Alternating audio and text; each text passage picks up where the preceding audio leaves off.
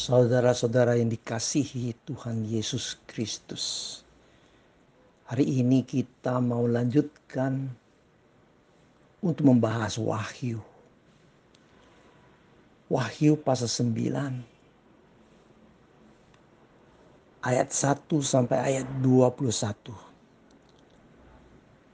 Seluruh pasal 9 mengenai sangkakala yang kelima dan sangkakala yang keenam. Sangkakala kelima ini terdapat di pasal 9 ayat 1 sampai ayat 12. Ini dilanjutkan dengan celakalah. Ayat 12 dikatakan celaka yang pertama sudah lewat yaitu tentang sangkakala kelima. Karena pasal 8 ayat 13 di sana dikatakan ada triple celaka. Celaka. Celaka. Celakalah. Sangkakala kelima tentang celaka pertama sangkakala ke-6 tentang celaka kedua. Ada lagi sangkakala ke-7 yang paling celaka. Sebelumnya ada empat sangkakala tentang bencana besar. Tentang musibah. Baik di darat, di laut, di sungai, dan di langit. Saudara-saudara yang kasih, kala kelima ketika ditiup, maka terjadilah sesuatu. Sebuah bintang jatuh dari langit ke atas bumi. Bintang ini adalah malaikat yang jatuh. Dan kepadanya diberi anak kunci lubang jurang maut sehingga dibukanya jurang maut. Jurang maut adalah jurang yang tanpa batas. Simbol di mana kalau dimasukkan tidak dapat keluar lagi. Tapi sekarang lubang mautnya ini terbuka sehingga keluarlah asap dan asap itu adalah belarang belalang. Belamang adalah simbol musibah atau tulah. Ketika di Mesir sebelum keluaran ada sepuluh tulah. Tulah kedelapan adalah tulah tentang belalang. Tetapi kini belalang-belalang ini, tulah ini diberi pembatasan. Ayat 4. Kepada mereka dipesankan supaya mereka jangan merusak rumput-rumput di bumi atau tumbuh-tumbuhan atau pohon-pohon melainkan hanya manusia yang tidak memakai materai Allah di dahinya.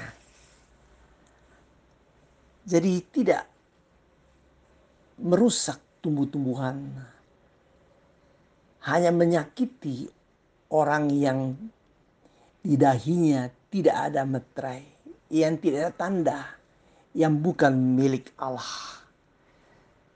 Adalah orang yang tidak mau bertobat sehingga disiksa.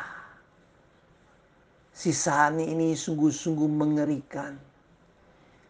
Saudaraku yang kasih, di sini di ayat 5 dikatakan bahwa mereka ini sangat seperti ada siksaan kelajengking. Ada lima bulan lamanya. Lima bulan berarti dibatasi jangan terlalu lama. Tapi bagi orang tersiksa, lima bulan ini sangat lama. Lima bulan ini mungkin umurnya dari belalang-belalang itu. Mereka demikian tersiksa ayat 6 dikatakan mereka mencari maut.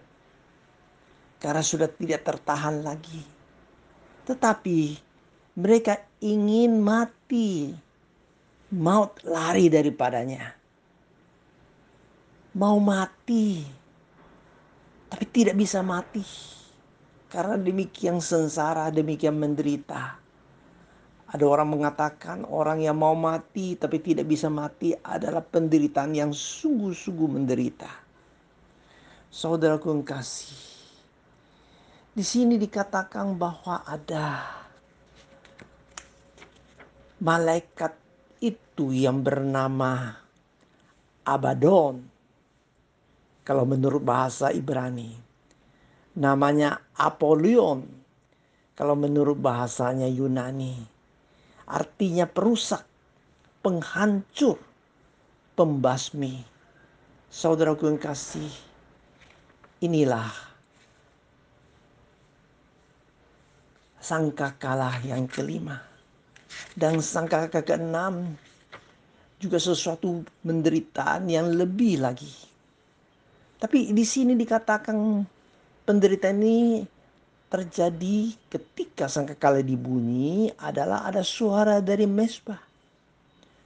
Mesbah ini bukan mesbah korban bakaran, tapi mesbah dupa atau kemenyan. Jadi berarti di sini ada hasil doa. Di mana di bumi terikat di dalam doa, di sorga juga terikat di mana di bumi lepaskan itu juga terlepas. Ayat 14 lepaskanlah keempat malaikat yang terikat dekat sungai besar Efrat itu. Empat malaikat ini adalah di mana mereka datang untuk mau membunuh. Saudaraku yang kasih, ayat 15 katanya dilepaskanlah keempat malaikat itu yang telah disiapkan bagi jam dan hari, bulan, dan tahun. Artinya waktunya Tuhan sudah tiba. Waktu hukuman Tuhan sudah tiba. Di sini tertulis empat malaikat. Tetapi jumlah mereka itu menjelma menjadi tentara yang besar. Ada dua ribu laksa. Artinya ada 200 juta. Sungguh suatu jumlah yang sangat besar. Penduduk pada waktu itu di daerah sana tidak ada sampai demikian besar jumlahnya. Di sini dikatakan bahwa ada jumlah demikian. Ayat 17 dikatakan demikian rupanya mereka itu mau menyiksa. Dan ada kuda-kuda ini tentara berkuda. Dan kuda itu mulutnya keluar api, ada asap dan belerang. Merupakan tiga warna. Merah api, merah biru, api biru berwarna biru, dan berwarna kuning berelang. Simbol suatu penyiksaan di neraka. Memang orang yang disiksa tidak bisa mati juga simbol penyiksaan di neraka. Ada malapetaka. Yang paling penting ada ayat 20 dan 21. Memang pada waktu itu sepertiga orang dibunuh. Tapi ada dua per tiga lagi yang tidak mati oleh malapetaka itu tidak juga bertobat dari perbuatan mereka. Mereka tidak berhenti berbuat dosa jauh dari Allah. Mereka tetap tidak mau bertobat daripada pembunuhan, sihir, percabulan, dan pencurian. Sungguh sesuatu hal yang demikian berat penderitaan. Tujuannya agar ada efek jerah. Tetapi mereka tidak mau bertobat. Allah terus-menerus mau menantikan orang bertobat. Bertobatlah. Amin.